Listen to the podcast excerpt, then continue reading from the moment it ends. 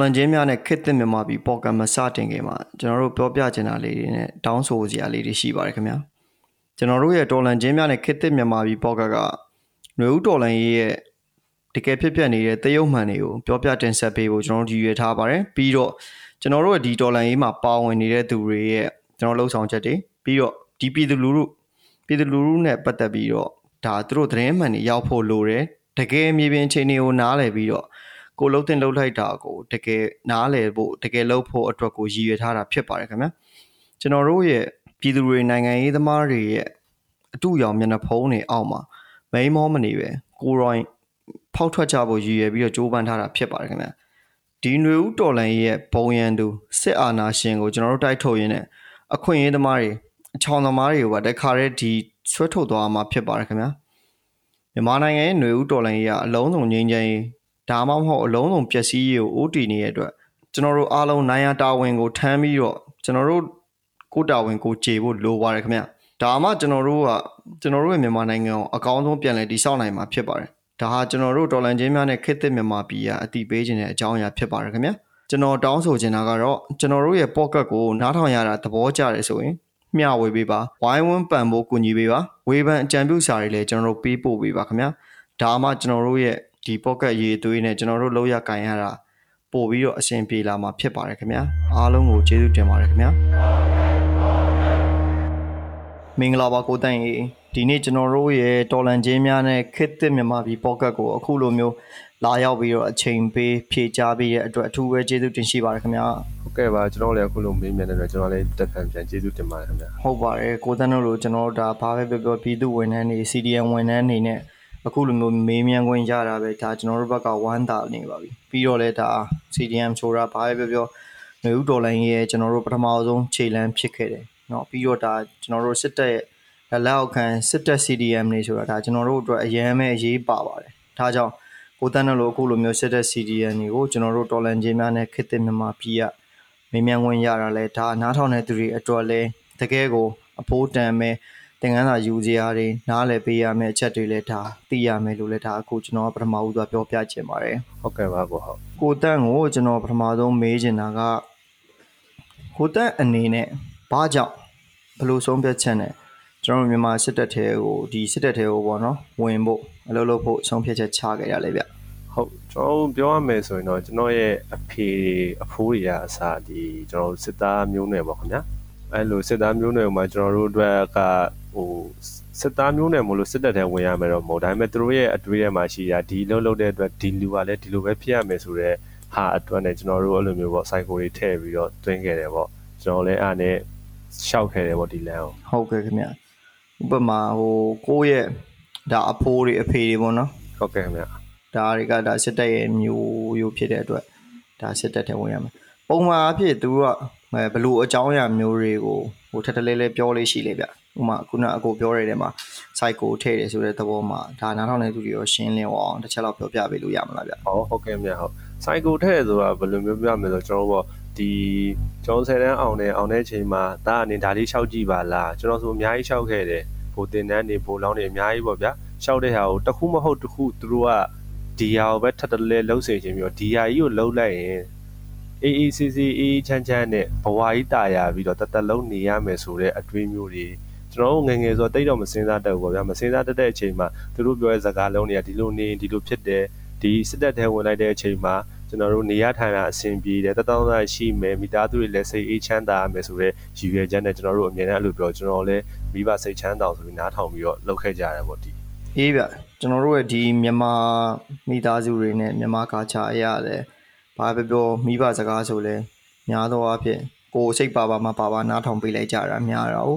ကျွန်တော်တို့ကိုဝါသနာပါတဲ့အလုပ်တွေပါတယ်ဆိုတာလေဒါတော်တော်တော်တော်ဘယ်လိုပြောမလဲမိဘနဲ့အတိုက်ခံလုပ်ပြီးမှဒါလုပ်ခွင့်ရတာမျိုးဖြစ်နေရဆိုတော့လေကိုတန်းတို့ဒီတာဝန်ထမ်းဆောင်တဲ့ကာလပေါ့နော်အထူးသဖြင့်ဒါစစ်တပ်မှာကိုတန်းတို့တာဝန်ထမ်းဆောင်တဲ့ကာလမှာယာရုတာဝန်နဲ့ထိုက်တန်တဲ့လာစားတွေခံစား권နေပြီးရင်ပုံကိုရေးဆိုင်ရလွတ်လပ်ခွင့်နေ ပြပြဝဝရခဲ့ပါသလားဗျဟုတ်မရခဲ့ပါခင်ဗျာဟုတ်ကဲ့ဘလို့ဘလို့မျိုးလက်ဟာမှုတွေရှိရလဲဗျဥပမာကျွန်တော်တို့ခုနကျွန်တော်ပြောတယ်မှာ၃ချက်ပေါ့နော်ကိုတာဝင်တဲ့ထိုက်တန်တဲ့လာစာဆိုလို့ရှင်လေဒါကိုလာစာကိုအပြေမရတာမျိုးဒါမှမဟုတ်ပြီးရင်ဘလိုမျိုးတိုက်တယ်တွေနဲ့သူတို့ဖြတ်တယ်လေပေါ့အဲပြီးွားရင်ပုံကိုယ်ဆိုင်ရာလွတ်လပ်ခွင့်ဆိုလဲ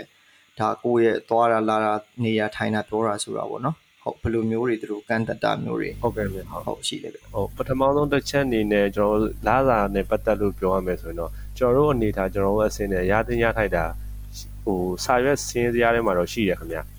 ကျွန်တော်တို့ဥပမာပေါ့ဥပမာ2သိန်းခွဲဆို2သိန်းခွဲ3သိန်းဆို3သိန်းစာရွက်အနေထားမှာတော့ရှိတယ်ဒါပေမဲ့လက်ထဲကို3သိန်းအပြည့်ရောက်လာ2သိန်းခွဲအပြည့်ရောက်လာဆိုမရောက်ဘူးခင်ဗျသူတို့မှဖြတ်တာတောက်တာဟိုယူနီဖောင်းဘူးလားဒီလားအတွက်ရိတ်ခါဘူးလားဒီလားအတွက် ဥပိုင်လားဒီလားအတွက်အသက်အာမခံကြီးလားအဲ့လိုမျိုးကျွန်တော်ပြန်ထည့်ရတဲ့အတွက်စည်ရင်စရာထဲမှာတော့3သိန်းဆို3သိန်း2သိန်းခွဲဆို2သိန်းခွဲရှိရခင်ဗျဒါပေမဲ့ကျွန်တော်လက်ထဲတော့အပြည့်မရောက်ခဲ့ဘူးခင်ဗျ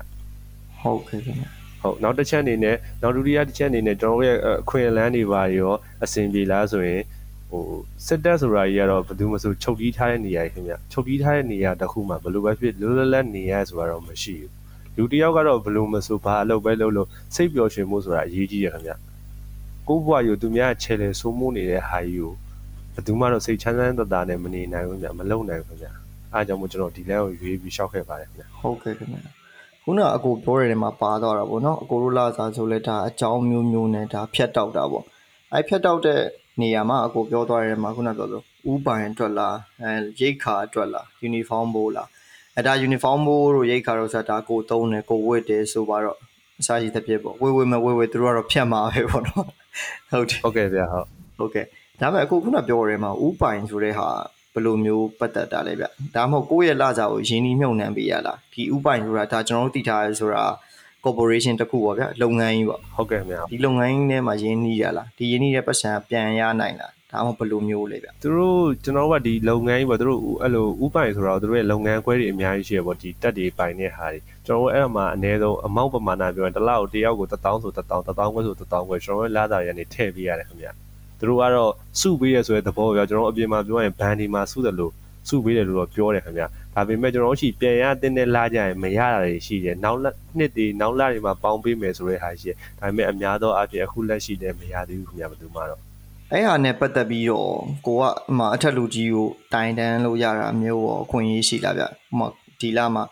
သူတို့စုပေးထားတယ်ပေါ့နော်ထားပါတော့တစ်လတစ်သောင်းနဲ့6လတစ်နှစ်ပြည့်ရင်တစ်သိန်းတစ်သောင်းပြန်ပေးမယ်တစ်နှစ်ပြည့်လို့ပေးမလာတဲ့အခါမှာရောကိုယ့်အနေနဲ့ဟိုတိုင်ကြားလို့ရတာမျိုးတွေရေးယူဆောင်ရွက်ပေးဖို့တောင်းဆိုနိုင်တာမျိုးတွေရှိလားဗျဟုတ်အရေးယူဆောင်ရွက်လို့ရလားရှိရတော့ကျွန်တော်တို့ကတော့တင်ပြလိုက်တယ်ပေါ့ဒီလဘာလို့မရလဲဒါပေမဲ့သူတို့ကတော့စာထွက်တယ်ဆိုတဲ့တခုလေးနဲ့ပဲကျွန်တော်တို့ cancel လုပ်သွားခဲ့တာပေါ့ကျွန်တော်လည်းဟိုအထက်တရားလောက်တာဆိုတော့တည်တည်ချာချာရေးရတော့မသိဘူးပေါ့ခင်ဗျ ကျွန်တော်ကမရဘူးလို့တယောက်ယောက်ကိုတဆင့်ခံကိုထက်အကြီးတယောက်ကိုပြောလိုက်ရင်သူတို့ကအေးငါတို့လည်းမသိဘူးစာထွက်တယ်ဆိုတဲ့အတိတ်ပဲတခုနဲ့ဒီစကားပြောလေးတခုနဲ့ပဲပြီးဆုံးသွားခဲ့တာပေါ့တိုင်တန်းတာတောတာကြီးကြောင့်ကျွန်တော်တိတ်တော့မရခဲ့ဘူးခင်ဗျအခွင့်အခါလည်းမကြုံခဲ့ဘူးခင်ဗျဒါဆိုရင်ဒါစစ်တပ်ထဲမှာတော့အများစုအထူးသဖြင့်အောက်ခြေဝန်ထမ်းတွေကတော့ဒီလိုပဲလာစဉ်ဖြတ်ဒီလာစားဆိုလဲဖြတ်ပေါ့နော်အကြောင်းမျိုးမျိုးနဲ့ဖြတ်ခံခဲ့ရတာပေါ့ဟုတ်ကဲ့မြန်ဟုတ်ဒါမဲ့ကျွန်တော်စိတ်ဝင်စားတာတစ်ခုကဒီစစ်တပ်ရဲ့တဘာဝမကျတဲ့ဒီစီးမြင်းတွေရဲ့ပြီးရင်ဒါ လူသားချင်းမဆမနာနဲ့နှိပ်ကွပ်မှုတွေပေါ့အဲ့ဒီနှိပ်ကွပ်မှုတွေဒီတဘာဝမကျတဲ့စီးမြင်းစည်းကမ်းတွေရဲ့အောက်မှာဘာကြောင့်အောက်ခြေဝင်တဲ့အများစုကနာခံနေရတာလဲဗျဘာဖြစ်လို့သူတို့ကလည်းရုံထွက်ဖို့မကြိုးစားကြတာလဲအမ်အဲ့ဒီကိစ္စနဲ့ပတ်သက်ပြီးပြောရမယ်ဆိုရင်တော့ရုံထွက်ချင်တဲ့လူတွေတော့ရှိတယ်ခင်ဗျရုံထွက်ပြီးမှသူတို့အပြင်မှာဘယ်လိုနေထိုင်မလဲစားတောက်မလဲဆိုတော့သူတို့မှတစ်ဖက်ပြန်တွေ့ရတချို့ဆိုရင်မိသားစုတွေရှိတယ်တချို့ဆိုမိသားစုတွေရှိတယ်မိသားစုတွေငဲ့ညာထောက်ထားပြီးတော့ အဲ့လိုမျိုးရုံထွက်ရုံမထွက်နိုင်ဘူးဖြစ်နေတာပေါ့ခင်ဗျာသူကရုံထွက်ချင်တဲ့လူကတော့ဘယ်သူမှဆိုစိတ်ထဲမှာတော့ကိုယ့်ရဲ့ရတဲ့ရပိုင်ခွင့်ရတဲ့ရထိုက်တာတွေဘယ်သူမှမရဘဲနဲ့ဒီလိုကြီးနေနေရတော့ဘယ်သူမှတော့မကြိုက်ဘူးခင်ဗျာဟုတ်ဒါပေမဲ့သူတို့မှလည်းသူတို့ပြန်ကြည့်ရဘာရှိတယ်ဆိုတော့တချို့ဆိုရင်ကျွန်တော်တို့အောက်ခြေစစ်တီပဲဖြစ်ဘယ်သူပဲဖြစ်မိသားစုဝင်တွေရှိတယ်အဲ့လိုမျိုးထောက်ပံ့နေရရှိတယ်ပြသူတို့မရှိရှိရတဲ့ပဲချိုးချံချွေတာပြီးတော့အဲ့လိုပဲချစ်ကုပ်ပြီးတော့နေနေရတာပေါ့ခင်ဗျတကယ်တော့ပြောမယ်ဆိုရင်တော့ဗျာဒီအပြင်လောကမှာကျတော့ လူတွေတော်တော်များများပြည်သူတွေတော်တော်များများလဲသူတို့အများစုပေါ့ပုံမှန်လဲပတ်နေတဲ့အချိန်မှာတော့ဒီလိုမျိုးဖိနှိပ်မှုတွေနှိပ်ကွပ်မှုတွေအတွက်တီးတီးတန်တန်ရက်တီတာမျိုးပံ့ပိုးပေးတာမျိုးတွေတော့ရှေ့မှာတော့တကယ်ဝမ်းနေကြနေပဲမတွေ့ဘူးပေါ့နော်ဒီလိုမျိုးတွေကဟိုးရင်တွေကတောက်လျှောက်ရှိလာတာ哦ဟုတ်တယ်ဟိုပေါ့ဘယ်လိုပြပြမလဲဆိုဒီလိုဖိနှိပ်ချုပ်ချယ်မှုတွေအဲ့လိုနှိပ်ကွပ်မှုတွေအဲ့လိုမျိုးလုပ်နေတဲ့အပေါ်မှာတဦးတယောက်ကသာခေါင်းဆောင်ပြီးတော့ တေချာထွက်ခဲ့မယ်ဆိုဟိုးရင်တည်းကလည်းရှိလာကြအကြောင်းမရှိဘူးအခုလည်းဖြစ်စရာအကြောင်းမရှိတော့ဘူးဟုတ်ကဲ့အဲ့လိုမျိုးရဲရဲဝံ့ဝံ့နဲ့လုပ်ပေးမဲ့လူဘယ်သူမှမရှိတဲ့အတွက်အကုန်လုံးကခေါင်းငုံခံပြီးတော့ပဲအော်ဒီလာလည်းမထူပါဘူးဒီတိုင်းမှာပဲလေဆိုတဲ့ရည်ရွယ်ချက်လေးနဲ့ပဲကျွန်တော်သွားခဲ့ရတာတွေပဲပေါ့ဟုတ်ကဲ့ဗျသဘောပေါက်တယ်ဗျတခုခုကိုဘယ်လိုပြောမလဲထက်ခါထက်ခါလောက်ခံရတဲ့အချိန်မှာကျွန်တော်တို့အင်္ဂလိပ်စကားလုံးသုံးလုံးဆိုတော့ used to ပေါ့ဗျာပုံမှန်ကြီးလိုဖြစ်သွားတာမျိုးပေါ့နော်ဟုတ်ကဲ့ဟုတ်ကဲ့သူကတော့ပြောမယ်ဆိုရင်စစ်တပ်မှာတော့ အကြီးပိုင်းနေမှာဒီလူတွေရဲ့ mindset ပေါ်တော့ကောင်းကောင်းသူတို့နင်းတာပေါ့နော်အဲ့တခုတော့ရှိတယ်အဲ့ဒီအချိန်မှာအမားတွေကကြာလာတဲ့အခါမှာလူတွေကဒါကြီးကအမားကြီးဆိုတော့တည်တည်နေပဲအမှန်လိုပဲကောင်းကောင်းခံကြရတော့တာပဲပေါ့အခုကျွန်တော်အနေနဲ့မေးချင်တာပေါ့နော်ဒီခုအချိန်ကာလဆိုတော့လဲဒါမြန်မာစစ်တပ်ကတရမဝင်အာဏာသိမ်းမှုပြုလုပ်ထားတယ်မြန်မာနိုင်ငံမှာလည်းဒါပြည်သူအများစုဆိုတာအထက်မြန်မာတိုင်းနိုင်ငံလုံးမှာအနေနဲ့များကိုတောက်လျှောက်ကြက်တဲနေကြတယ်ဒုက္ခရောက်နေကြတယ်ပေါ့အဲ့တော့ ဒီအာဏာသိမ်းမှုမတိုင်ခင်မှာဒီကိုတန်းတို့ရဲ့ဒီအဖွဲ့အစည်းနဲ့ပတ်သက်ပြီးတော့စစ်တပ်နဲ့ပတ်သက်ပြီးတော့နေရထိုင်ရသွားရလာရတွေကအခြေအနေဘယ်လိုရှိလဲဟိုအာဏာသိမ်းပြီးနောက်ပိုင်းမှာရောဘာတွေပြောင်းလဲမှုရှိလဲဗျဟုတ်ကဲ့ညကျွန်တော်တို့ပြောပြမယ်ဆိုတော့ဟိုပေါ့ကျွန်တော်တို့ကတခုခုစစ်တပ်ပဲဖြစ်ဖြစ်စစ်တပ်မှာပေါ့ဗျာဝင်ရမယ်ဆိုတော့တင်တန်းတွေပါတက်တာတို့ကျွန်တော်တို့တို့ရဲ့သက်ဆိုင်ရာပေါ့သက်ဆိုင်ရာလုပ်ငန်းလေးတွေကိုပို့ပြီးတော့တင်တန်းတွေ training ဆင်းပေးတာရှိတယ်ခင်ဗျာ ကျွန်တော် training ဆင်းပေးပြီးရင်တိတ်မကြခင်မှာပဲကျွန်တော်ကျွန်တော်ရဲ့ဟိုသူတို့ခေါ်တဲ့အတိတ်ပဲပေါ့ခေါ်ပေါ်ဆိုတော့ကျွန်တော်မိခင်တိုင်ရင်ပေါ့နော်မိခင်တိုင်ရင်ကိုရောက်တယ်ခင်ဗျာရောက်ပြီးတော့တိတ်မကြခင်မှာပဲကျွန်တော်ကတခြားအလုပ်တစ်ခုကိုသွားလုပ်ခွင့်ရခဲ့တယ်ပေါ့သွားလုပ်ခွင့်ရခဲ့ဆိုတော့ဒီကျွန်တော်တို့ရဲ့ဆိုင်ရာဆိုင်ရာအလုပ်တွေကိုစီရှိကြတော့အဲ့ဘက်မှာကျွန်တော်ကလွတ်လွတ်လပ်လပ်နဲ့အလုပ်လုပ်ခွင့်ရှိခဲ့တယ်အဲကြတော့အာနာမသိငင်ပေါ့ခင်ဗျာအဲ့ဒါကျွန်တော်လွတ်လွတ်လပ်နဲ့သွားခဲ့ရတယ်လုပ်ခဲ့ရတယ်ပေါ့ခင်ဗျာဒီအာနာသိမီကာလာပြီးတော့လေ ဟိုကျွန်တော်ကကျတော့အဲ့လိုမျိုးမိခင်တိုင်မှာမနေရတာဖြစ်တဲ့အတွက်ကျွန်တော်အပြင်မှာပဲအပြင်တယောက်အနေနဲ့လွတ်လွတ်လပ်ဖြတ်တန်းပြီးတော့အလုပ်တွေလုပ်ခဲ့ရတယ်ဟောဗျာอ๋อဟုတ်ကဲ့ခင်ဗျဟောဒါဆိုကျွန်တော်တို့ဒီစစ်တပ်ဝင်တိုင်းရာလိုမျိုးနေရာမျိုးမှာအနေစရာမလိုဘူးပေါ့အကိုအနေနဲ့အပြင်မှာပဲဒါတောက်လျှောက်ဟုတ်ကဲ့တနန်ပြီးကြရနေကြရတာဩဟုတ်ကဲ့ကို ဟုတ်ကဲ့ဗျာ ဟုတ်ကဲ့ကိုဒါဆိုတော့ဒါအကိုအနေနဲ့တော့ပုံမှန်စစ်တီတက်ဆိုတော့အများစွာလွတ်လပ်ခွင့်ရတယ်လို့တော့ပြောလို့ရပါတယ် ဟုတ်ကဲ့မြတ်ဟုတ် အခုကျွန်တော်တို့ဒီຫນွေဦးတော်လိုင်းရေးပေါ့နော်ဒီຫນွေဦးတော်လိုင်းရေးမှာစစ်တပ်ရဲ့ CDN လှုပ်ရှားပါဝင်မှုကဒါဘာပဲပြောအောက်ခြေစစ်သားတွေမှာအတိုင်းတာတစ်ခုတည်းရှိရယ်။တိုးပေမဲ့ယာတို့အကြီးပိုင်းတွေရဲ့ပါဝင်မှုကလက်ရှိအချိန်အထိကိုနည်းနေသေးတယ်ပေါ့။ဘလို့အဓိကအကြောင်းအရာတွေကကျွန်တော်တို့ဒီပြည်သူတွေနဲ့ သူတို့ခက်ခဲနေရလဲပေါ့နော်လက်တွဲဖို့ကိုဘာတွေကခက်ခဲနေရလဲသူတို့တော့ကအခုအနေနဲ့ဘလို့မြင်လဲဗျဘယ်လိုမြင်လဲဆိုအကိုရဲ့ကျွန်တော်တို့လိုအခြားအဆင့်စစ်တီတယောက်အနေနဲ့ရတဲ့လသာဆိုတာဘာမှမဟုတ်ဘူးဗျာသူတို့ရဲ့တဝက်တောင်မရှိဘူးဗျာအကြီးပိုင်းတယောက်အနေနဲ့သူတို့ဆိုအခန်းလေးထဲမှာနေလက်မှတ်လေးထိုးကျွန်တော်တို့ရဲ့အမိန်အောင်တစ်ခုထဲမှာဒါလေးလုပ်လိုက်တိုင်းတော့သူတို့ရဲ့လက်ညှိုးထွန်ရဖြစ်ပြီးလက်ညှိုးထွန်ရကိုဟိုပေါ့ ဘယ်လိုပြောမလဲအလုပ်တွေကိုကြက်လို့ခိုင်းလို့ရတယ်ကိုကသူတို့ရဲ့လသာသူတို့ရဲ့ဝင်ငွေသူတို့ရဲ့တခြားလုပ်ငန်းတွေနဲ့ကျွန်တော်တို့တခြားစင်းနဲ့ဆိုတာအများကြီးကွာခြားတယ်သူတို့အပြင်မှာတကယ်လို့ဒီစစ်တပ်ကနေကျွန်တော်ဒီအခု CDN လောက်ပြီးထွက်လာခဲ့ရောသူတို့အပြင်မှာဘယ်လိုဖြစ်မလဲသူတို့အဲ့လိုမျိုးတွေးပြီးသူတို့အနေထားနေကကိုကဘယ်လိုပဲပြောမလဲအပြင်မှာတထေးတယောက်လိုနေနိုင်တယ်ကိုကအထက်လူကြီးပိုင်းကိုပြောတာပေါ့နော်ကျွန်တော်တို့ဒီအောက်ခြေလူတန်းကတော့သူတို့ရဲ့ခေါင်းမုံဖိနေမှုအောက်မှာပဲနေပြီးတော့ဒီတိုင်းပဲအသက်ရှင်ရတော့ အဆင်မပြေဘူးခင်ဗျသူတို့ကြတော့ဘာလို့ကျွန်တော်နဲ့လက်မတွဲလဲတခြားပြည်သူလူနဲ့လက်မတွဲဆိုတော့ကျွန်တော်ပြောသလိုပေါ့အေးစင်းနေအေးစင်းစားပြီးသူတို့ကသူတို့ freedom လေးတွားနေရတဲ့အတွက်မစွန်စားရဲသလိုဖြစ်တာပေါ့ကိုကရင်းလိုက်ရမယ်ရင်းနှီးရတယ်ပြောမှဆိုသူတို့တော့အရန်ကြီးနေတယ်လို့ဖြစ်နေရပါဘောနော်အရန်ကြီးနေဟုတ်ကဲ့မြန်ဟုတ်အဲ့လိုမျိုးပေါ့ဟိုအခုအကိုတို့ဒီစစ်အာဏာသိမ်းမှုဖြစ်ပြီးတဲ့နောက်ပိုင်းမှာအကိုတို့ရဲ့တာဝန်တွေပြောင်းလဲထမ်းဆောင်ရတာမျိုးရှိလား ဥပမာဗျာကျွန်တော်တို့ရဲတွေပါဆိုရဲတဲ့ရင်မှာနေရတယ်တိုးဝင်မဲ့ဒီစစ်အာဏာသိမ်းမှုဖြစ်တဲ့အချိန်မှာဆန္ဒပြမှုတွေနှိမ်နင်းဖို့အတွက်ရဲတဲ့ရင်ရဲတွေကိုခေါ်တယ်ပြီးရင်ဒါမိခင်တဲ့ရင်ရဲ့စစ်သားတွေဒါခေါ်ပြီးတော့နှိမ်နင်းခိုင်းတာနော်ပုံမှန်ကိုပေါ့ကိုစစ်တပ်ထဲမှာဒီတိုင်းဘလို့လဲသူတို့တာဝန်တည်တည်တော့ရှိမယ်တိုးဝင်မဲ့ဒီအာဏာသိမ်းမှုဖြစ်ပြီးတဲ့နောက်မှာတာဝန်ပြောင်းသွားတယ်အဲအကိုတို့အနေနဲ့အဲ့လိုမျိုးပုံမှန်မဟုတ်တဲ့တာဝန်ကိုထမ်းဆောင်ရတာမျိုးရှိလားအဲ့လိုတော့ထမ်းဆောင်ခွင့်မရှိကြဘူးများဘာလို့မရှိလဲဆိုတော့ကျွန်တော်တို့တက်တွေကလက်ယုံတက်ဖြစ်တဲ့အတွက် လက်ယုံတက်တွေကအဲ့လိုမျိုးခေါ်ပြီးတော့ခိုင်းခံတော့မရှိဘူးများဒီတိုင်းတခြားခြေလင်းချင်းမြန်တက်ရင်နေတို့အဲ့လိုမျိုးတက်တွေကတော့အဲ့လိုမျိုးတာဝန်ပြောင်းပြီးတော့လှုပ်ဆောင်ရတယ်ခင်ဗျာသူတို့အနေနဲ့အဲ့လိုမျိုးဒီလိုမျိုးခိုင်းနေဆိုတဲ့အနေအထားမှာကြတော့ဟိုစစ်တဲ့အဖွဲ့အစည်းတစ်ခုအနေနဲ့ပေါ့နော်ဒါမျိုးပြောမယ်ဆိုရင်အဲ့လိုအမိန့်မျိုးကတရားဝင်လို့ယူဆလို့ရလားဗျတရားဝင်လို့ယူဆလို့ရလားဆိုတော့ကိုရဲ့အထက်ကပေးတဲ့အမိန့်ကတော့ဘယ်သူမှတော့မငင်းဆန်ရဘူး တရားဝင်ဒီဖြစ်စေတရားဝင်ဒီဖြစ်စေသူတို့ဒီဟာခိုင်းတော့ဒီဟာလောက်ရမယ်ဆိုတော့အတွေးတွေကတော့ရှိပါကြတော့ဒီလိုပဲလုပ်နေရပါမလုပ်ချင်ပဲလုပ်ရတဲ့လူတွေလည်းရှိလို့လုပ်ချင်လို့လုပ်နေတဲ့လူတွေလည်းရှိကြပဲဟုတ်တယ်ကိုပြောရတယ်မှာဒါဒါ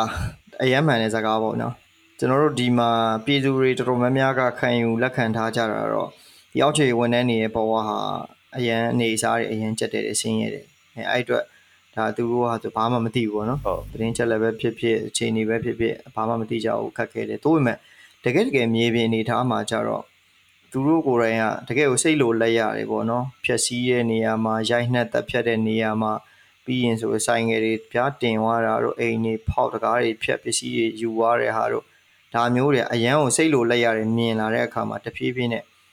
ပြည်သူကဘာပဲပြောစစ်အာဏာရှင်ဆိုတာကိုမေ့ပြီးတော့ သူတို့ target တွေကအခုလက်ရှိအောက်ချိန်မှာရှိနေတဲ့ဝန်ထမ်းအများစုဒီဆိုသူတို့ပြပေါ့စစ်ဝန်ထမ်းတွေဟိုဒီအာယုံပြောင်းလာတာမျိုးပေါ့နော်ဒီကောင်တွေအကုန်တေမဖြစ်မယ်ဆိုတဲ့ဟာမျိုးတွေအစားဖြစ်လာတာ哦ဟုတ်ကဲ့မြတ်ဟုတ်ကျွန်တော်သဘောပေါက်တယ်ခင်ဗျာအကိုပြောတာကိုဟိုကျွန်တော်တို့ထပ်ပြောရမယ်ဆိုရင်ပေါ့ဗျာအခုအဝေးတနေရာရောက်နေရဖြစ်ဖြစ်အနီးနားဖြစ်ဖြစ်ကျွန်တော်တို့ဖုန်းလေးတစ်လုံးနဲ့ခုပေါ့အဲမိသားစုကြီးပဲဆက်ဆက်တငယ်ချင်းချင်းပြီးဆက်ဆက်ပေါ့ဟိုဘယ်လိုပြောပြမလဲ ကျွန်တော်ဖုန်းဆက်လိုက်တဲ့အချိန်မှာသူတို့ကထမင်းစားရင်စားနေမယ်တခြား TV ကြည့်ရင်ကြည့်နေမယ်ဒါပေမဲ့သူတို့မမြင်ရတဲ့အတွက်သူတို့ဖုန်းထဲကပြောတဲ့ဟောက်ပဲယုံပြီးတော့ကျွန်တော်ကယုံစားခဲ့ရတယ်ပေါ့ဟိုကျွန်တော်ပြတင်တဲ့ဥပမာပေါ့ဗျာသူတို့အထက်ကြီးမှာကအထက်ကလူတွေကအခန်းတစ်ခန်းထဲမှာဝိုင်းဖွဲ့ပြီးတော့အစည်းအဝေးလုပ်နေတာကြတော့ကျွန်တော်တို့လိုအောက်ခြေလူတန်းစားအောက်ခြေလူတန်းမဟုတ်ဘူးအောက်ခြေစစ်သားတယောက်အနေနဲ့ဘာဆိုဘာမှမသိရဘူးခင်ဗျ သူတို့ကဟိုမှာပြောတာ A ဆိုပေမဲ့ကျွန်တော်တို့အပြင်အခန်းထဲအပြင်ထွက်တဲ့ချိန် B ဖြစ်ခြင်းဖြစ်သွားပြီကျွန်တော်တို့မမြင်နိုင်မတွေ့နိုင်မကြားနိုင်ရခင်ဗျဒါပေမဲ့ဘာရှိတယ်ကျွန်တော်တို့ရဲ့စစ်တပ်ဆိုတဲ့အောက်မှာရှိတဲ့တခုကအမိတ်အမိတ်နာခံမယ်ဆိုတဲ့ဟာတခုရဲ့နဲ့ပဲလှုပ်ချင်တယ်လှုပ်နေရမလှုပ်ချင်တယ်လှုပ်နေရဟုတ်ကဲ့ကိုအဓိကတော့ပြဿနာကြီးကြီးမားမားတော့အဲ့ဟာပဲပေါ့နော်ကျွန်တော်တို့အကယ်တကယ်တကယ်ဆိုရင်ပုံမှန်အားဖြင့်တော့ဒါအဖွဲ့အစည်းစစ်တပ်ဆိုတာအမိန်အာဏာဆိုတာဒါအရေးကြီးရမှန်တယ်။ဘာကြောင့်လဲဆိုတော့အကယ်၍ဒါကိုက ဒီအမိန်အာဏာသာလွဲချော်ခဲ့မယ်ဆိုရင်ဒါကိုစစ်ဆိုတာဗျာအသက်တွေရင်းပြီးအလုပ်လုပ်ရတာဟုတ်ဟုတ်ကဲ့မြတ်ဟုတ်ဒါကြောင့်ခေါင်းဆောင်တယောက်ရဲ့အမိန်ကိုမနာခံတော့ဒါအများကြီးပြဿနာတက်နိုင်နေဆိုတဲ့ flow ကိုတော့သဘောပေါက်ပါတယ်ကိုသို့ပေမဲ့ပြဿနာကလက်နက်မဲ့ပြည်သူကိုတတ်ခိုင်းဖြတ်ခိုင်းတဲ့အမိန်အာဏာကိုမလွန်ဆန်နိုင်မင်းနဲ့တောက်လျှောက်ဒီလိုမျိုးပဲဒါတောက်လျှောက်အမိန်နာခံနေရဆက်သွားနေရဆိုတော့ဒီ institution တစ်ခုပေါ့ဗျာအဖွဲ့အစည်းတစ်ခုရဲ့ဒီ ပြောမယ်ဆိုရင်ဒါပါအပြောပြောနောက်ဆုံးကဘာအတွက်ကိုမပြောလို့ဗျာလက်ရှိမိမိနိုင်ငံဒီမိမိနိုင်ငံရဲ့အတွက်မိမိနိုင်ငံလူမျိုးအတွက်တောင်မှဒီအဖွဲ့အစည်းတစ်ခုလုံးကဒါအစိတ်သင့်နေရလို့ဒါအများစုကပြောကြတယ်ပေါ့နော်ဒီတတ်မှတ်ချက်နဲ့ပတ်သက်ပြီးတော့ကိုမင်းခန့်အနေနဲ့ဘယ်လိုမျိုးဟိုဥမာတုံ့ပြန်ခြင်းတာမျိုးရှင်းပြခြင်းတာမျိုးဒါမှမဟုတ်ဘယ်လိုမျိုးပြောပြန်ပြောခြင်းလဲဗျဟုတ်ပြောရမယ်ဆိုရင်တော့ကျွန်တော်တို့အမိန်ဆိုတဲ့အောက်ကြီးမှာမတက်ပြတ်ခြင်းနဲ့တက်ဖြတ်နေရ လှုပ်ချင်တဲ့လူတွေလည်းလှုပ်နေကြရပေါ့ဟိုကျွန်တော်အနေနဲ့ကတော့အဲ့လိုမျိုးတွေဟိုမကြုံတွေ့ခဲ့ရပဲကျွန်တော်ကအပြင်မှာဟိုလိုအေးချမ်းချမ်းနေခဲ့ရလို့တော့မဟုတ်ဘူးတော့ဗျာဒါပေမဲ့ဒီလိုတက်ဖြတ်နေတဲ့ဗီဒီယိုဖိုင်တွေဒီလိုမျိုးလုပ်နေတဲ့ဗီဒီယိုဖိုင်တွေမြင်တော့လက်နက်မဲ့ပြည်သူတယောက်ဒီလိုလုပ်တယ်ဆိုတာတော့ဘလို့မှအဆင်မပြေဘူးကျွန်တော်ခံယူချက်ပေါ့ခံယူချက်ဆိုတာကျွန်တော်စိတ်ထဲမှာဖြစ်ပေါ်လာပေါ့ကိုကရောဒါကြီးဖြစ်နေလူတွေကမုန်းတီးကြမှာပဲဒီအဖွဲ့အစည်းကိုဖျက်ဆီးကြမှာပဲဖျက်ဆီးတာဖြစ်တဲ့အတွက်ကိုကတော့ဟိုပေါ့ လက်နက်ကြီးကင်ပြီးတော့ကိုရဲ့လူတယောက်ကိုတော့မတက်ဖြတ်ချင်ဘူးအဲကြတော့လက်နက်ချပြီးတော့ကျွန်တော်ဒီဘက်လမ်းကြောင်းကိုရွေးခဲ့တယ်ကျွန်တော်ပြည်သူလူထုနဲ့ပါဝင်ပြီးတော့ဟိုတနိုင်တစ်ပိုင်းကိုရဲ့ကဏ္ဍတစ်ခုကနေပေါ့ဖြစ်နိုင်မဲ့ကဏ္ဍတစ်ခုကနေဝင်ပြီးတော့ကျွန်တော်ဆောင်ရွက်ပေးခြင်းတယ်ပေါ့ကိုကသူတို့လိုမျိုးတော့ကျွန်တော်အဲ့လိုမျိုးမလုပ်ခဲ့ရဘူးပေါ့မတက်ဖြတ်ခဲ့ရဘူးဟိုလိုတွေဟိုအဲ့လိုမျိုးခိုးခိုးတာဝတ်တာတွေကျွန်တော်ဆိုင်ငယ်တွေအဲ့လိုမျိုးတွေဂျိုက်ခွဲဖြက်စီးယူဆောင်သွားခဲ့တယ်မလုပ်ဘူးအတွက်ဟို အဲ့ဒီအပေါ်တော့ကျွန်တော်မပြောပြတတ်နေဘူးပေါ့ကွာဒါပေမဲ့လက်နက်ရှိတဲ့လူတယောက်အနေနဲ့လက်နက်မဲ့တဲ့ပြည်သူကိုဘာလို့ဒီလိုလုံနေမှာလဲဒီလိုလောက်တာအောင်မှားနေတာဖြစ်တဲ့အတွက်အဲ့ဒီအမှားကိုဒီလိုကျွန်တော်မှန်တဲ့လမ်းကိုကျွန်တော်အခုတော့ရှောက်ခဲ့ပြီပေါ့ဟုတ်ကဲ့ကိုဒါကြောင့်လဲဒါကိုတို့ရဲ့အသိအမြင်ဆိုတာအရန်ရေးကြည့်ပါတယ်ကွာ။ဘာကြောင့်လဲဆိုတော့တာမန်လူတယောက်မှာကျွန်တော်တို့တာမန်ပြည်သူတယောက်ကိုတာမန်အမြင်နဲ့သူတို့မေးလိုက်တယ်ဆိုရင်လည်းဒါ သူတို့ကြုံတွေ့ရတဲ့ခံစားချက်နဲ့သူတို့အတွေ့အကြုံကိုပဲပြောမှာပေါ့နော်ဟုတ်ကဲ့မြတ်ဟုတ်ဒါပေမဲ့စစ်တပ်ထဲကအခုလိုမျိုးကိုတန်းလိုမျိုးဒါစီတင်လောက်လာတဲ့ရေဘော်တယောက်ဆိုလို့ရှိရင်နှစ်ဖက်လုံးဒါနားလေလို့ဒီဆုံးဖြတ်ချက်မျိုးကိုချတာပေါ့နော်ဟုတ်ကဲ့မြတ်အဲ့ဒီအတွက်ဘယ်လိုခံယူချက်လဲဆိုတာကိုဒါနားထောင်တဲ့သူတွေသေချာသဘောပေါက်တော့အောင်ပါဟုတ်ကဲ့ပါပေါ့ဟုတ်အခုဒီစစ်တပ်မှာရှိနေတဲ့ကာလမှာဒီမြန်မာစစ်တပ်ရဲ့သူ့နိုင်ငံသူ့ပြည်သူတွေရဲ့အပေါ်မှာဒီပုံကိုယ်ရေးလွတ်လပ်ခွင့်ချိုးဖောက်တာတွေ ပြီးရင်သူတို့လိုချင်တဲ့သတင်းချက်လက်အကြောင်းအရာတွေနဲ့ပတ်သက်ပြီးတော့သူတို့ဘယ်လိုမျိုးဟိုစ조사ပြီးတော့ရှာဖွေတာတွေရယူတာတွေအဲ့ဒါနဲ့ပတ်သက်ပြီးတော့ကိုယ်သားအနေနဲ့ဒီတိတာအများဘူးတူတာရှိလားအကယ်၍ဆိုလို့တိတယ်ဆိုရင်ကျွန်တော်ကပြည်သူတွေအနေနဲ့စင်ကျင်ကာကွယ်လို့လည်းရအောင်ပြီးတော့မြန်မာစစ်တပ်ရဲ့ဒီရာဇဝတ်မှုတွေကိုလည်းကျွန်တော်တို့ထိထိရောက်အရေးယူဆောင်ရွက်နိုင်ဖို့အတွက်ဒါ record ယူနိုင်တဲ့အတွက်ကိုယ်တန်းအနေနဲ့အတွေ့အကြုံပူစရာရှိရဆိုရင်ပြောပြရှင်းပြပေးပါခင်ဗျဟောဟုတ်ကဲ့မြတ်ကျွန်တော်တို့ဒီ ဟောသူတို့လုပ်တဲ့လုပ်ငန်းကိစ္စတွေအဲ့လိုမျိုးပေါ့ပြည်သူလူထုတွေရောအဲ့လိုမျိုးကြားဖြတ်ဖမ်းယူတာဘာညာတော့သူတို့ဟာသူတို့တော့အသီးသီးနေရာအသီးသီးမှာတော့ရှိကြတယ်ခင်ဗျဟုတ်ကဲ့ကိုဒီဒီဖုန်းတွေပေါ့နော်ဖုန်းတော့အင်တာနက်အသုံးပြုမှုလို့ဆိုဖုန်းတွေအင်တာနက်သုံးပြုတွေအခုနောက်ပိုင်းဆိုရင်တော့မှပို့ပြီးတော့သူတို့တင်းကျပ်ပြီးတော့လုပ်နေတဲ့ကိစ္စတွေအများကြီးရှိရမြဟိုလုပ်နေတွေ့နေရကျွန်တော်တို့ကြတော့အကြားတစ်ခုနဲ့အမြင်တစ်ခုတော့ရှိခဲ့တယ်ပေါ့သူတို့ဘယ်လိုဘယ်လို record ပြန်ယူလို့ရတယ် ဟိုတစ်ခုခုနာမည်ပေါက်သွားခဲ့တာဖြစ်ဖြစ်တယောက်ယောက်ကဒီဟာကြီးလုံးနေပါတော့တည်င်းရခဲ့ရင်တော့သူတို့ကဒီဖုန်းနဲ့ဒီရောက်ချေရခံလိုက်တာမျိုးတို့ဒီတိုင်းအဲ့လိုမျိုးဖုန်းကို record အကုန်ပြန်ယူပြီးတော့ဒီဖုန်းနံပါတ်ကဘယ်ကိုခေါ်ခဲ့ပါတယ်အဲ့လိုမျိုးကြီးပေါ့သူတို့အကုန်ပြန် record ပြန်ယူလို့ရတဲ့စနစ်တော့သူတို့လုံနေရတာတော့နည်းနည်းတော့လုံနေပြီပေါ့ကွာလုံနေပြီပေါ့အဲ့ဒါကိုဟုတ်ကဲ့ကဲဟိုနည်းနည်းတော့ ဖုန်းပြောတာဖြစ်ဖြစ်ဘာညာဖြစ်ဖြစ်ကနည်းနည်းတော့စစ်စစ်ချင်းချင်းလေးတော့ပြောတင်တယ်ခင်ဗျဟုတ်ကဲ့ခင်ဗျဟုတ်ကျွန်တော်တွေ့ခဲ့မြင်ခဲ့ဘဟုတတတော့အလောက်လောက်တော့မြင်ခဲ့တွေ့ခဲ့တယ်ပေါ့ကျန်တဲ့ထက်ထဲဝင်ဝင်ကြတော့သူတို့ကအကြီးပိုင်းတွေလောက်ပဲလောက်တာဆိုတော့ကျွန်တော်တို့ဆွမ်းနာပြောလို့အောက်ခြေကတော့ဒီတိုင်းပဲပေးတဲ့အမေကိုပဲလောက်ခဲ့ရတယ်ခင်ဗျအကိုတို့ဒီစစ်တပ်ထဲမှာရှိနေတဲ့အချိန်မှာပေါ့နော်ကျွန်တော်တို့အာဏာသိမ်းမှုစတင်ပြီစတင်တဲ့အချိန်မှာဒီစစ်ကောင်းဆောင်တွေကပြောတယ်ဟာငါတို့တစ်နှစ်အာဏာသိမ်းမယ်ပေါ့ဟုတ် ဒီဟာကြီးကိုပြီးသွားရင်ဒီရွေးကောက်ပွဲကြီးကမမျှတလို့အစားရှိတဲ့အကြောင်းအရာတွေနဲ့သူတို့ပြောတာပေါ့နော်ရွေးကောက်ပွဲရဲ့ရလဒ်တွေကမမျှတလို့ဒါမဲလိန်လို့အဲ့လိုမြန်မာနိုင်ငံကိုဒါဘာပြောပြောပြန်ပြီးထိမ့်သိမ့်ဖို့အတွက်ဒီစစ်တပ်ကမဖြစ်မနေအာဏာသိမ်းမှဖြစ်တော့မယ်အဲမဟုတ်ရင်ဒီရခိုင်နဲ့ပတ်သက်တဲ့ဘာသာရေးပြည်ပခါတွေအဲပြီးရင်လူမျိုးရေးပြည်ပခါတွေပေါ့ပြီးရင်နိုင်ငံတွင်းမှာလည်းမတိမငြိမ်မအေးမချမ်းတွေဖြစ်နေတယ်ပေါ့အဲ့လိုအကြောင်းပြချက်မျိုးစုံနဲ့အာဏာသိမ်းတဲ့အချိန်မှာအကိုတို့ဒီစစ်တပ် အတိုင်းဝိုင်းအနေနဲ့ဒီဘာပဲပြောတာအောက်ခြေပဲဖြစ်ဖြစ်အချက်ပဲဖြစ်ဖြစ်ပေါ့နော်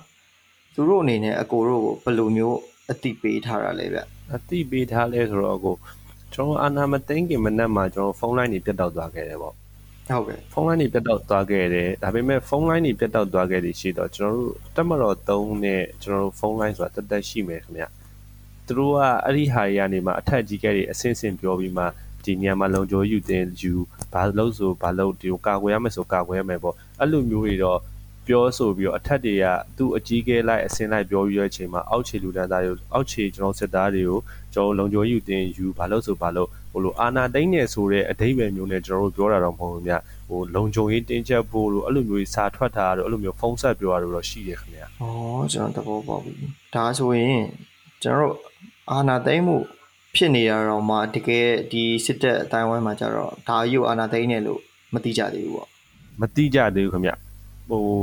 ပြောရမယ်ဆိုရင်တော့ဟိုဒါဒီတိုင်းပေါ့ကျွန်တော်တို့ဒီတိုင်းဖုန်းလိုင်းလေးဘာဖြစ်လို့ညာဖြစ်လို့ဂျိုရူးတစ်ခုခုပေါ့ဒါမှမဟုတ်လေကျွန်တော်တို့ဒီဆက်သွယ်လိုင်းဘယ်လိုမျိုးဖြစ်သွားလို့ဆိုတော့ဟိုအထင်မြင်ဖြစ်ခဲ့တာပေါ့ကျွန်တော်တို့အားလုံးမှာဒါပေမဲ့ကျွန်တော်တို့အားလုံးအတိအောက်ခြေကတော့တေချာတာအာနာတိမ့်မီအဲ့လိုမျိုးတွေမပြောခင်ဗျဘယ်တက်မဆိုသူတို့ကစာထွက်တာတို့ဖုန်းဆက်တာတို့ကဘယ်လိုထွက်လဲဆိုရင်တော့သူတို့ ဟိုပေါ့ဟိုလုံခြုံရေးတင်းကျပ်ဖို့တို့နေမြေအခြေအနေဘယ်လိုလဲလို့အဲ့လိုမျိုးအခြေအနေလောက်ပဲပြောတာခင်ဗျ။ဟုတ်ကဲ့ခင်ဗျာ။ဒါကြောင့်ကျွန်တော်ပြောတာပေါ့နော်။ကျွန်တော်တကယ်ချင်းနဲ့တွေ့တော့ပြောပြတာတွေဒီစစ်ကောင်းဆောင်တွေဆိုတာက short တွက်လို့မရအောင်။ short တွက်လို့မရဘူးဆိုတာကျွန်တော်တို့အထင်ကြီးတာမျိုးတော့မဟုတ်ဘူးပေါ့။သူတို့ရဲ့အာဏာသူတို့ရဲ့ရပိုင်ခွင့်တွေကိုထိပါလာနိုင်မဲ့ဟာမှန်တယ်ကြိုတင်ပြင်ဆင်တာတွေအပြီးွားရင်ဒီမြန်မာပြည်သူလူထုအပေါ်မှာသူတို့က ကောင်းကောင်းဘယ်လိုပြောမလဲသဘောပေါက်တာပေါ့နော်။မြန်မာပြည်သူလူထုရဲ့ flow ပေါ့။နောက်ပြီးတော့သူ့ရဲ့ organization ရဲ့ flow သူကောင်းကောင်းသဘောပေါက်တာတွေကဒါတွေကကျွန်တော်တို့ဒီမျိုးတော်လန်ရေးကိုကြန့်ကြာစေတဲ့အချက်တွေထဲမှာလည်းအများကြီးပါတယ်ပေါ့နော်ဟုတ်ကဲ့ဗျ။အခုအကိုတို့အနေနဲ့ဒီအာနာသိမ်းမှုနောက်ပိုင်းမှာပေါ့ဗျာပြည်သူတွေအသက်ခံရတဲ့အဲအဲ့ဒါနဲ့ပတ်သက်ပြီးတော့ဒါကိုတန်းကအပြင်မှာရောက်နေတဲ့အတွက်ကြောင့်ဒါဒီလိုတော့များများကဟို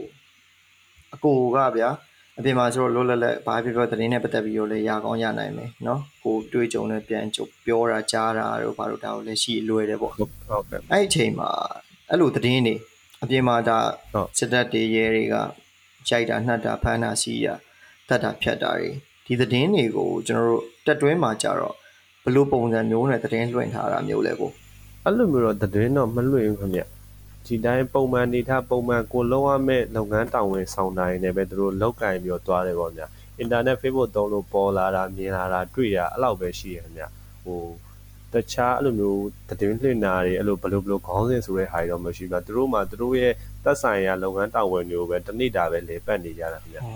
ဟုတ်ကဲ့ခင်ဗျဆောနာကျွန်တော်ပြောခဲ့သလိုပေါ့ဒီ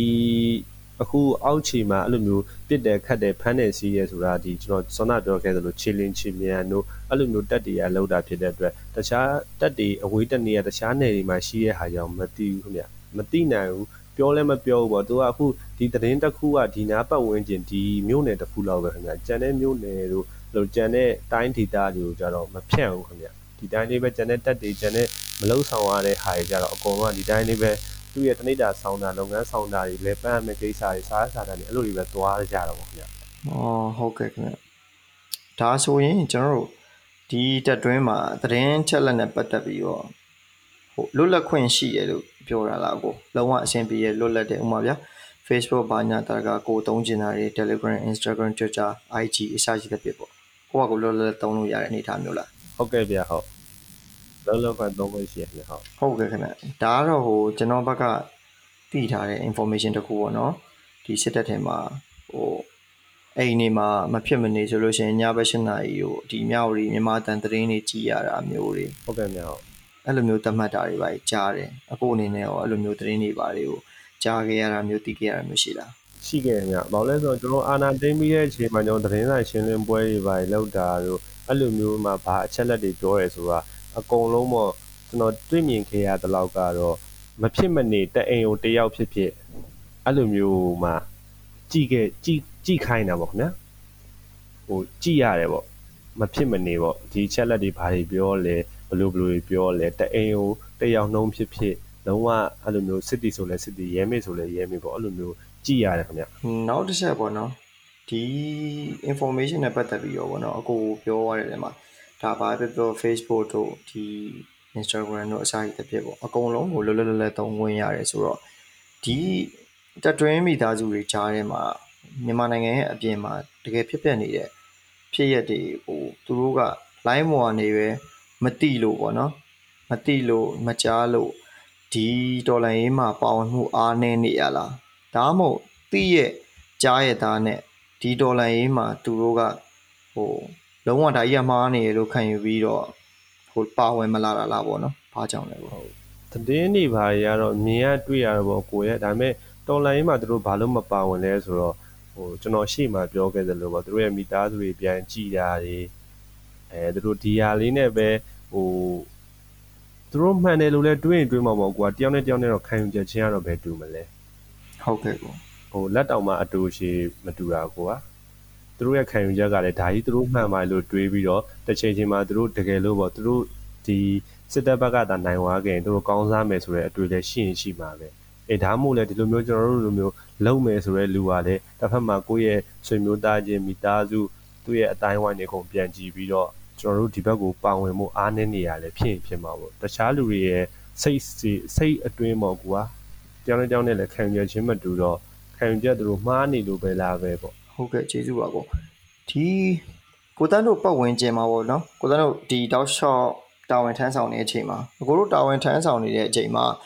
ဒီ CDN လောက်သွားတဲ့စစ်သားတွေဒါဘာပဲပြောအကြီးပိုင်းတွေမှာလည်းချိုးရှိတယ်ဒီအပြီးတော့အောက်ခြေဝန်ထမ်းတွေမှာလည်းရှိတယ်အဲ့လိုဝန်ထမ်းတွေကိုကျွန်တော်တို့ဒီစစ်တပ်တိုင်းဝိုင်းကဘယ်လိုသတ်မှတ်လဲပြီးတော့သူတို့ရဲ့ပတ်ဝင်ကျင်မှာ CDN လောက်သွားတဲ့ဒီဝန်ထမ်းတွေနဲ့ပတ်သက်ပြီးတော့ဘယ်လိုမျိုးသတင်းတွေထုတ်လွှင့်လဲဗျဟုတ်ဘယ်လိုမျိုးသတင်းထုတ်နေလဲဆိုတော့ဒီ CTN လောက်သွားတဲ့စစ်သားတယောက်ကိုသူတို့အနည်းဆုံးကျွန်တော်တို့21ရက်အတွင်းလိုက်ရှာတယ်ခင်ဗျနီးစက်ရပါတော့အခု CTN လောက်တာဖြစ်ဖြစ်တခြားအကြောင်းမျိုးကြောင့်ဒီဆုံးခွာသွားတာဖြစ်ဖြစ်ပေါ့အဲ့လိုမျိုးလူလို့ဆိုသူတို့21ရက်အတွင်းကိုကျွန်တော်တို့မြို့နယ်တွေတိုင်းတွေကိုဟအဲ့လိုစာတော့မထွက်ပေမဲ့သူတို့ရဲ့တက်ကလူနဲ့လိုက်ရှာတယ်ခင်ဗျလိုက်ရှာတယ်ဟို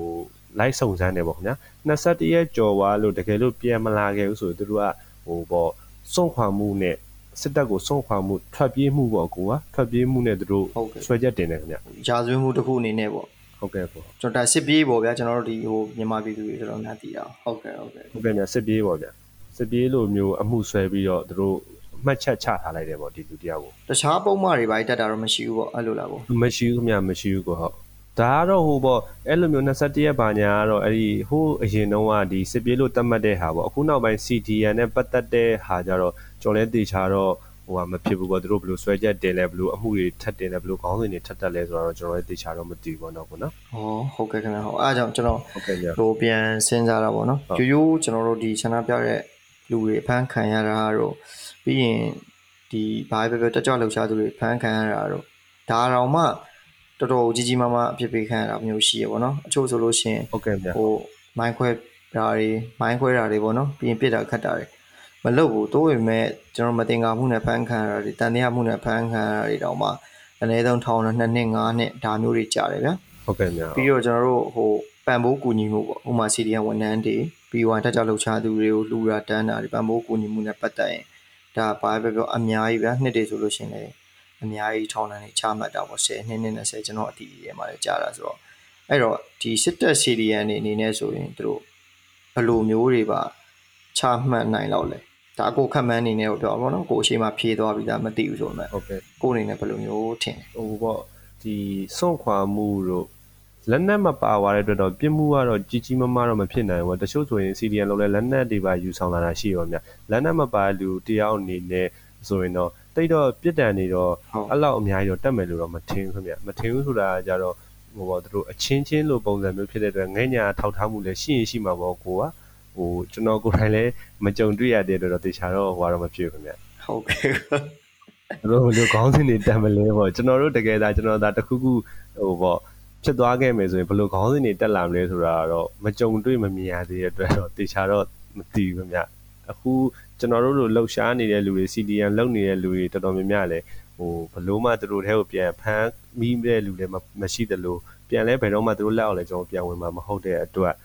ဒီခေါင်းစဉ်ကတော့ဘလို့ထွက်လာမလဲဆိုတော့ကျွန်တော်တေချာတော့မသိဘူးပေါ့ဟုတ်ကဲ့ခင်ဗျာဟုတ်ကဲ့ဆိုတော့အဲ့မှာဟိုကျွန်တော်ထူးဆန်းတာလေးပေါ့နော်ထူးဆန်းတဲ့ခံစားချက်ပေါ့အဲ့ဒါကဟိုအကိုပြောရတဲ့တဲမှာပါတာပေါ့နော်သူတို့အနေနဲ့ အဲဒါစစ်တပ်ပေါ့နော်ဒါစစ်တပ်ကြီးပိုင်းနေအနေနဲ့အချင်းချင်းလို့သတ်မှတ်ပြီးတော့ဒီ CDN စစ်ဝန်ထမ်းတွေကိုပြန်မိတဲ့အချိန်မှာတက်ညာပေးမယ်လို့ဒါတက်ညာထောက်ထားမယ်လို့အကိုယူဆတာမျိုးပေါ့နော်ဟုတ်အကိုတို့ကိုပုံမှန်အခြေအနေမှာဗျာဟုတ်ကဲ့ဒီလောက်တောင်ဖိနှိပ်နှိပ်ကွတ်တဲ့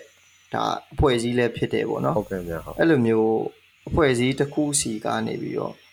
အဲ့လိုမျိုးအကိုဘောကိုစာနာနာလဲပေးတာမျိုးကို မျောလင်းလို့ရနိုင်သေးလားအကိုကလည်းအကယ်၍ဗျာဥပမာထားပေါ့နော်တခြားစစ်ဝန်ထမ်း CDN တယောက်ကပြန်ဖမ်းမိသွားတဲ့အချိန်မှာသူတို့ကလည်းဩဒါဘာပဲပြောဒါအဆုံးဖြတ်ချက်လွဲမှားသွားတာပါဆိုပြီးတော့နားလေပေးနိုင်မယ်လို့မျှော်လင့်လို့ရလားအကိုရဲ့လက်နက်မရှိတဲ့ပြည်သူတွေကိုတော့မှဒီလောက်နှိမ့်ဆက်ညှဉ်းပန်းနေကြကျွန်တော်တို့လည်းဒီလိုပဲတော့လာမယ်တော့ကျွန်တော်လည်းထင်တာပါပဲဟုတ်ကဲ့ဘယ်လိုမှတော့မထညာနိုင်ဘူးပေါ့ကိုကဘယ်လိုမှလည်းမဖြစ်နိုင်ဘူးပေါ့ ဒါသူတို့ကဘယ်လိုပဲဖြစ်ဖြစ်အထက်ရဲ့အထက်အာနာဒါဆိုဒါဒီအမိတ်ဆိုဒီအမိတ်ဖြစ်တဲ့အတွက်ဒီယာကြီးကိုဒီလိုမျိုးတက်ညာထောက်ထားပေးမဲ့အနေထားတော့မရှိတော့ဘူးခင်ဗျဒီလောက်ခက်ခဲတွေဖြစ်နိုင်မယ်ဆိုတာဟိုသိရတယ်ဗောနော်ကိုအခုအနေနဲ့လည်းနားလဲတယ်ဟုတ်อืมဒါပေမဲ့အကိုဘာဖြစ်လို့ CDN လုပ်ဖို့ဆုံးဖြတ်ခဲ့ရလဲဟုတ်ဘယ်လိုမျိုးခံထားလဲဗောနော်ဘယ်လိုပြရမလဲဆိုရင် မတရားအာဏာသိမ်းတယ်လို့လည်းမြင်တယ်ခင်ဗျပြည်သူလူရဲ့ထောက်ခံမှုမယူဘဲနဲ့သူ့ရဲ့တကွေတကာရသူတို့အဖွဲ့အစည်းလေး group တစ်ခုလေးကောင်းစားဖို့အတွက်သူကအခုကလုံနေတာပေါ့လုံနေရလို့မြင်တာပေါ့ခင်ဗျသူတဦးတယောက်တည်းကောင်းစားဖို့အတွက်အမှန်တကယ်ဆိုကျွန်တော်ဘယ်လိုပဲဖြစ်ဖြစ်ဟိုပြည်သူလူတို့ရဲ့ထောက်ခံမှုကိုသူတို့ယူတင်တယ်ခင်ဗျ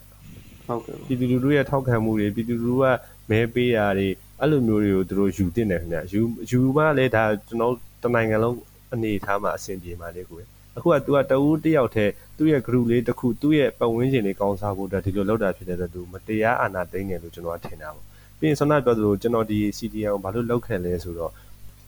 ကျွန်တော်တို့အပြင်မှာကျွန်တော်တို့အတိတွေတငယ်ချင်းတွေရှိရပေါ့ဒီဒါကတော့အပြင်အရက်ဖက်ပဲပေါ့ဗျာဟိုရိုးရိုးပြည်သူလူထုပဲပေါ့ကျွန်တော်စစ်တက်မဟုတ်ပေါ့ အဲ့လိုတငယ်ချင်းတွေဒီအာနာဆဆတိန်တဲ့အချိန်မှာသူတို့တွေတက်ကြွတာပေါင်းလှုပ်ရှားနေတာတွေသူတို့တော်လန်နေတာတွေသူတို့ကြွေးကြော်နေတဲ့အတန်တွေဒါပေမဲ့ကိုကတော့စစ်သားပါပဲဒါပေမဲ့သူတို့ပို့ပေးတဲ့ file တွေတငယ်ချင်းငါတို့ကတော့ဒီလိုမင်းတို့ဘက်ကအခြေအနေကောင်းလားဒါပေမဲ့ तू ကပြည်သူကျွန်တော်ကစစ်သားဒါပေမဲ့စစ်သားတွေကသူတို့ပေါ်မကောင်းတာလုပ်တယ်ဒါပေမဲ့ကျွန်တော်ကိုတငယ်ချင်းတယောက်အနေနဲ့တငယ်ချင်းမင်းအဆင်ပြေလားမင်းတို့ဘက်ကဘလို့လဲမင်းဘာကြီးလုပ်နေရလဲ ကျွန်တော်နောက်ဆုံးတငယ်ချင်းတယောက်မေးတဲ့မေးခွန်းလေးပေါ့ဗျာတားကြီးတဲ့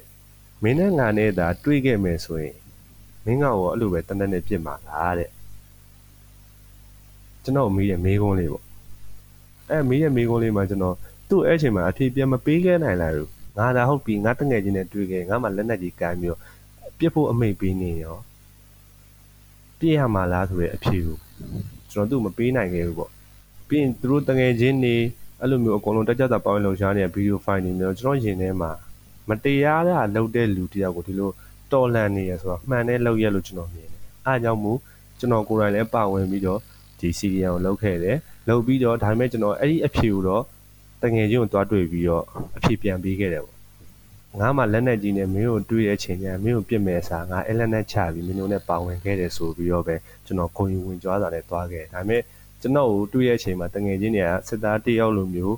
မမြင်ဘူး CTN လောက်လာတယ်ဆိုပေမဲ့လည်း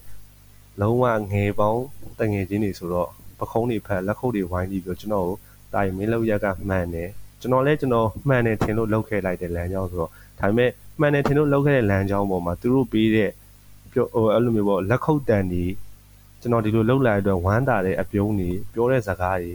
ကကျွန်တော်တို့လုံးဝဂုဏ်ယူစရာပေါ့ကျွန်တော်ဒါလောက်ခဲ့တဲ့အတွက်လည်း နောင်နာတော့မရဘူးဒါပေမဲ့ကျွန်တော်ပြောလဲပြောရွှင်တယ်မတရားတဲ့ဟာကိုမတရားသလိုတရားသောနီလန်းနဲ့တော့တိုက်ထုတ်အောင်ပါပဲမတရားတဲ့ရအောင်တော့ဟုတ်ကဲ့ခင်ဗျာဒါနားထောင်နေသူတွေတော့မသိဘူးပေါ့နော်ကျွန်တော်လည်းအခုပြောတာခြားပြီးတော့တော်တော်လဲဟိုတော်တော်လဲကိုချင်းစာပါတယ်ကိုအကိုပြောပြပေးတဲ့အကြောင်းအရာကိုလည်းနားထောင်ပေးတယ်ဒါဘာပဲပြောပြောစစ်တပ်တိုင်းဝမ်ပဲဖြစ်ဖြစ် တာမန်ပြည်သူပဲဖြစ်ဖြစ်သူတို့လည်းအကိုတကယ်နားလဲလိမ့်မယ်လို့ဒါကျွန်တော်ယုံကြည်ပါတယ်ဟုတ်ကဲ့ပါကိုဟုတ်အဲ့တော့အကိုရဲ့ပတ်ဝန်းကျင်မှာအကိုလိုမျိုးစီဒီယန်လောက်ချင်တဲ့စိတ်ဝင်နေရှိလားသူတို့ကခုနအကိုပြောသလိုပဲဒါအကြောင်းပြချက်အမျိုးမျိုးနဲ့ပေါ့ဗျာမိသားစုနဲ့ဒါအကိုဆိုလဲမိသားစုရှိရပဲသူတို့လည်းမိသားစုရှိရလဲပေါ့နော်ဟုတ်ဘာကြောင့်လို့ထင်လဲဒါပုံမိသားစုတွေဒါပုံမှန်အခက်အခဲတွေထက်လွန်တဲ့ ကြီးမားတဲ့အခက်အခဲမျိုးရှိနိုင်သေးလားကြီးမားတဲ့အခက်အခဲမျိုးရှိနိုင်နေတာဆိုတော့ရှိရောမရှိတော့ဘူးသူတို့သူတို့စိတ်ကတော့လှုပ်ချင်ပေမဲ့ကျွန်တော်တို့သူတို့စိတ်ကတော့ CDN တော့လှုပ်ချင်တယ်ကိုကဒါကြီးကိုလှုပ်ချင်ပေမဲ့လည်းသူတို့မစွန့်စားရဲသေးတာပေါ့မစွန့်စားနိုင်တာစွန့်စားမှုစွန့်စားမှုတစ်ခုကိုသူတို့မတရားတာယူပဲသူတို့ခေါင်းကိုခံပြီးတော့ပဲဒုံရင်ကဒုံရင်မှာပဲကွာငါတို့အပြင်မှာဒီလိုသွားလှုပ်လဲ ဘာမှထူးတာမှမဟုတ်ပါဘူးဆိုတဲ့ခံယူချက်ကြီးနဲ့ပဲနေနေလို့ပေါ့ကွာမစွန့်စားရဲသေးတာပေါ့အခုအကိုအနေနဲ့ဗျာ CDN လုပ်ပြီးတဲ့နောက်ပိုင်းမှာဒါအကိုငယ်ပေါင်းနေတကယ်ချင်းနေနဲ့ပြန်တွေ့ရအကိုဒါသူတို့ကတကယ်ကိုစိတ်ရင်းနဲ့ဝမ်းသာအဲလဲကြိုးကြိုးကြတယ်အကိုတို့လည်းသူတို့ဂုဏ်ယူကြတယ်အကိုကိုအကိုကိုယ်တိုင်ရဲ့အကိုရဲ့လုပ်ရက်ကလည်းသူတို့ကိုဂုဏ်ယူစေတယ်လို့ဗျာသူတို့ရဲ့လုပ်ရက်ကလည်းဒါအကိုကိုဂုဏ်ယူစေတယ်ပေါ့အပြန်လန်းပေါ့ဟုတ်ကဲ့မြေဟုတ်ပေါ့ဒါတစ်ဖက်ကကြည့်ရင်တော့ ဒါအကိုငယ်တငယ်ချင်းနေမဟုတ်လို့ပေါ့နော်ဟုတ်နောက်ထပ်အကိုအနေနဲ့ဒီຫນွေဥတော်လိုင်းတက်ကြလှုပ်ရှားသူပေါ့အကိုနဲ့မသိရဘူးဟုတ်ကဲ့မြေဟုတ်အဲ့အချိန်မှာအကိုတွေ့သွားတဲ့အချိန်မှာသူတို့ကအကိုပေါ်မှာဘယ်လိုမျိုးဆက်ဆံဥမာတန်တရားအနေနဲ့တန်တရားစိတ်နဲ့တန်တရားစိတ်နဲ့ပေါ့ဗျာဆက်ဆံတာမျိုးလားဒါမှမဟုတ်သူတို့အနေနဲ့ဘယ်လိုမျိုးစိတ်နေစိတ်ထားနဲ့အကိုပေါ်မှာပြောဆိုဆက်ဆံတာမျိုးတွေ့ရတယ်ကျွန်တော်ပေါ့ဒါတော့အလုပ်ဝက်ချက်တစ်ခုအနေနဲ့ပေါ့ကျွန်တော်အဲ့လိုမျိုးတက်ကြွသူတွေဒေါ်လာရေးသမားတွေနဲ့အခု သူတို့နဲ့တွေ့ရမြင်ရတဲ့အချိန်မှာသူတို့ရဲ့ပြောပုံဆိုပုံဆက်ဆံပုံကဟိုတသားတည်းပဲပေါ့ကျွန်တော်ကိုဟိုတရှိုတယောက်လိုအဲ့လိုမျိုးဟိုပေါ့စုံတော့ထောင်လိုင်းရေးသမားတယောက်လိုအဲ့လိုမျိုးမမြင်မဲနဲ့တသားတည်းဒီလိုလှုပ်လာခဲ့တဲ့အတွက်ဂုံယူပါတယ်ဆိုတော့အမူအရာမျက်လုံးမျိုးလိုအပ်တာရှင်အကုန်လုံးလဲကူညီပေးတယ်ဖြည့်ဆည်းပေးတယ်ပေါ့သူတို့ရဲ့မျက်လုံးအတွေးတွေစကားတွေပါရာအစားကျွန်တော်တန်တရားမျက်လုံးတို့အဲ့လိုမျိုးကြီးအထင်ခံမှုတော့မရှိဘူးဗျ မထင်အထင်မခံရဘူးပေါ့ဗျာဟုတ်ကဲ့သူတို့ကဖော်ဖော်ရွေရွေနည်းနည်းထွေးထွေးနဲ့ပဲကြိုးဆိုပေးတယ်ကျွန်တော်လိုအပ်တာအစအကုန်ကူညီပံ့ပိုးပြီးရဲ့အကိုကြီးရှိရဲ့အမကြီးရှိရဲ့အများကြီးပေါ့ခင်ဗျာအခုအကိုဗျာကျွန်တော်တို့ဒါအပြင်မှာဆိုလဲအမျိုးသားညီညွတ်ရေးဆိုရပါတော့သူတို့စီစဉ်နေတဲ့အဖွဲ့အစည်းတွေရှိတယ်ဥပမာပြည်သူရင်ကွင်းလို့အဖွဲ့အစည်းမျိုးတွေပေါ့နော်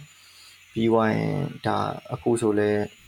ဟုတ်ကဲ့ခင်ဗျာဟုတ်မျိုးသားညီညွတ်ရေးအစိုးရလုပ်နေတဲ့အစီအစဉ်တွေပေါ့နော်ဒါစတက် CDN တွေကိုဒါ Australia ကိုပို့ပေးမယ်ပို့ပေးဖို့အတွက်စီစဉ်ပေးမယ်ပါညာပေါ့လို့ပြောတာတွေလုပ်ပေးမယ်ဟာတွေပါရှိတယ်အခုအနေနဲ့ရောအဲ့ဟာနဲ့ပတ်သက်ပြီးတော့ကြိုးခံစားခွင့်ရလာဗျဟုတ်ရတယ်ခင်ဗျာ။အော်ဟုတ်ကဲ့ကိုရတယ်ဆိုတာတော့ကျွန်တော်တို့ဟိုလိုမျိုးပေါ့စရင်စရာပေါ့ကိုရလူတယောက်ရဲ့ကိုရေးရဲ့ challenge file တွေရတော့ဒါတော့ဘယ်နေရာမဆိုအပြင်မှာအလုံးလျှောက်ရင်တော့မှကျွန်တော်တို့ ဟိုဟာဖြစ်သေးတာပဲစားစာတန်းနဲ့တင်ပြသေးတာပဲအခုလဲစားစာတန်းလေးတွေတော့ပို့ဆောင်ပေးရတယ်လုပ်ပေးရတယ်ပေါ့ဒါပေမဲ့အကုန်လုံးကအကုန်လုံးကျွန်တော်တို့ထောက်ပံ့တာတွေအကုန်လုံးသူတို့ပြောတဲ့ဟာတွေကတော့အကုန်လုံးအမှန်တိုင်းတွေအကုန်သိချဆောင်ပေးရခင်ဗျဟုတ်ကဲ့ကိုအခုတော့လည်းတကယ်ဝမ်းသာပါတယ်ဟုတ်ကဲ့ပေါ့။ပြီးတော့လည်းသူတို့အနေနဲ့အဲ့လိုမျိုးကိုတို့လိုမျိုးဒါ CDN ဝန်ထမ်းတွေကိုဒါတတိယရောဟုတ်ကဲ့ပါပေါ့စူးစမ်းပေးတယ်ကြိုးပမ်းပေးတယ်တကယ်လည်းကြိုးပမ်းဆောင်ရွက်နေတယ်ဆိုလို့ရှရင်လေ ဒါကျွန်တော်တို့လိုဘာပဲပြောပြောကျွန်တော်တို့ဒါ podcaster ပေါ့ဗျာဟုတ်ကဲ့ခင်ဗျကျွန်တော်တို့ဒါသတင်းနဲ့ပတ်သက်ပြီးတော့လုပ်ပေးနေတယ်တိုးဝင်မဲ့တစ်ဖက်မှာလည်းတကယ်ဒီຫນွေဥတော်လိုင်းအတွက်တကယ်ရုန်းကန်နေတဲ့သူတွေပြီးရင်နေရာအသီးသီးခန္ဓာအသီးသီးကနေပါဝင်ပေးတဲ့ CDN ဝန်ထမ်းတွေကိုပံ့ပိုးနေတဲ့ဘယ်အဖွဲ့ကြီးမှန်သမျှဘယ်လူတွေပဲဖြစ်ဖြစ်ဒါကျွန်တော်တို့ကလည်းဝိုင်းဝန်းပံ့ပိုးထောက်ခံပေးရမှာပါဟုတ်ကဲ့ပါကိုတို့လည်းတကယ်ဝမ်းသာပါတယ်ကိုဟုတ်ကဲ့ပါကိုအခုဆိုရင်ဗျာအကိုဆိုလို့ရှရင် ဒါကျွန်တော်အနေနဲ့မြောက်ပြောတာမဟုတ်ဘူးဗျာတာမန်သူတော့မဟုတ်ဘူးပေါ့ဒီစစ်တပ်အနေနဲ့စစ်တပ်မှာလည်းတကယ်လှုပ်ခဲ့တယ်ဘာပဲပြောစစ်တပ်အတိုင်းဝိုင်းကလည်းဖြစ်တယ်ဒါမိသားစုမိဘမောင်ပွားဆိုလို့ရှရင်လည်းဒါစစ်တပ်ကဒါပေမဲ့ဒီချိန်မှာစစ်တပ်လှုပ်ရက်ကမှားနေတာကိုမြင်တယ်မှားတဲ့အတိုင်းမြင်ပြီးတော့နားလည်ပြီးတော့ဒါ CDN ဝန်ထမ်းလုပ်တယ်အဲဒါဆိုလို့ရှရင်ဒါအကို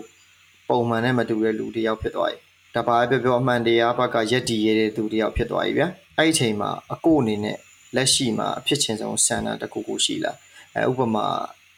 ဒီလုံခြုံစိတ်ချရတဲ့နေရာအေဂျင့်တဲ့နေရာကိုတွားခြင်းနဲ့မိသားစုနဲ့အေဂျင့်နဲ့နေခြင်းတာမျိုးအဲတော့မဟုတ်တော်လိုင်းပေးခြင်းတာမျိုးဒါမှမဟုတ်ပြည်သူတွေနဲ့ပတ်သက်ပြီးတော့အစားရှိတစ်ပြစ်ပေါ့အဖြစ်ချင်းဆုံးဆန္ဒရှိလားကိုမိသားစုနဲ့အေးအေးချမ်းချမ်းတော့ဘယ်သူမှဆိုနေကြတာပဲပေါ့ဒါပေမဲ့လည်းကျွန်တော်မိသားစုတစ်ခုပဲအေးအေးချမ်းချမ်းပဲနေရမှာလေကိုကျန်တဲ့လူတွေကြတော့ဒီမတရားမှုအောင်ကြီးမှာပဲဒုက္ခခံနေနေနေရမှာ အဲကြတော့တော်လည်းအမြန်ပြီးဆုံးခြင်းနဲ့အောင်မြင်ပြီးတော့တရားသောနီလန်းနဲ့အုပ်ချုပ်တော်လိုခြင်းနဲ့အကောင်းဆုံးဆိုတဲ့ဟာတွေနဲ့တရားသောနီးနဲ့အုပ်ချုပ်တော်ပဲလိုချင်တယ်ကျွန်တော်မိသားစုတစ်ခုရဲ့ကောင်းစားဖို့အတွက်နေတော့ကျွန်တော်အေးခြင်းတော့မနေနိုင်ဘူးတခြားမိသားစုအပေါင်းအသင်းပတ်ဝန်းကျင်ကျွန်တော်တို့ကလူအဖွဲ့အစည်းနဲ့နေရာရှိတယ်လူအဖွဲ့အစည်းတစ်ခုလုံးအေးအေးချမ်းချမ်းတတရရနေနိုင်မှုအတွက်တော်လည်းအောင်မြင်ပြီးတော့ကျွန်တော်တို့အမြန်ဆုံး အကုန်လုံးရင်းရှင်းနေနိုင်မှုအတွက်တော့အခုချိန်မှာကျွန်တော်ရဲ့ဆန္ဒကတော့ဖြစ်ချင်တယ်ပေါ့ကိုကကျွန်တော်လည်းမိသားစုနဲ့ဝေးကွာနေရဆိုတော့ကျွန်တော်မိသားစုနဲ့လည်းကျွန်တော်ပြန်တွေ့ချင်တယ်တခြားလူတွေအနေနဲ့လည်းမိသားစုနဲ့မျိုးထွေးထွေးပြန်နေခြင်းနဲ့တိုက်တိုက်ဝုံဝုံနေနဲ့ပြင်ပြည်သူလူထုတွေအားလုံးလည်းတရားမျှတသောအုပ်ချုပ်မှုအောက်မှာနေပြီးတော့ပျော်ပျော်ရွှင်ရွှင်နဲ့အကုန်လုံးအဆင်ပြေပြေဖြစ်တော့ဆိုတော့ပြန်မြင်ခြင်းတယ်ပေါ့တော်လည်းရင်းလို့လည်းအောင်မြင်နေခြင်းတယ်ပေါ့အကိုအနေနဲ့ဒီ မြို့တော်လိုင်းမှာပေါ့နော်ဒါဘာပဲပြောပြောကျွန်တော်တို့ပြည်သူဝန်ထမ်းတယောက်အနေနဲ့ဒါအင်မတန်တာဝန်ကျေတဲ့သူတယောက်ဖြစ်ပြီးအကိုမှာဒီတိုင်းသားလက်နက်ကင်အနေနဲ့တွားပြီးတော့ပူအောင်ဖို့ဒါစစ်တပ်ကိုဒါလက်နက်ဆွဲကိုင်းတော်လန်ခြင်းနဲ့လုပ်ဖို့ပေါ့အစီအစဉ်ရှိလာပေါ့ဟုတ်ကဲ့အခွင့်အခါကြုံတော့ကျွန်တော်လုပ်ပါမယ်ပေါ့အခွင့်အခါကြုံရဆိုတာဒီတိုင်းရင်းသားအဖွဲ့အစည်းနဲ့ပူးပေါင်းပါဝင်ပြီးတော့လုပ်ရမယ်ဆိုတော့ကျွန်တော်အင်တိုင်းအားလိုက်ပါဝင်ပြီးတော့လုပ်မယ်ခင်ဗျာ တကယ်ကျေးဇူးတင်ပါတယ်ကိုဒါမဲ့လက်ရှိလောလောဆယ်မှာအကိုရဲ့ကိုလည်းဒီအတိုင်းပဲဖြစ်နေတာမြေပြင်မှာကဘာပဲပြောပြောတော်လန်ရေးအနေနဲ့လိုအပ်ချက်တွေများနေသေးတယ်လိုအပ်ချက်တွေကတော့ရှိနေမှာပေါ့ကိုကတော်လည်းအဲ့ဒီဟုတ်ကဲ့ဟုတ်တယ်ဟုတ်တယ်ကိုလိုအပ်ချက်တွေများလိုအနေပ်ချက်တွေများနေပြီဒီအနေထားမှာတော့အကိုပြောတဲ့ဇက်ကတော်တော်ရေးကြည့်ပါတယ်ဟုတ်ကဲ့ကိုတကယ်ပူပေါင်းပါဝင်ခွင့်ရတဲ့အချိန်ကြာရင်လည်းဒါဘာပဲပြောပြောမြန်မာနိုင်ငံသားတိုင်းဒါပူပေါင်းပါဝင်ရမယ်အနေထားပေါ့မဟုတ်ရင်တခုဆိုရင်နေစဉ်နဲ့မြဗျာ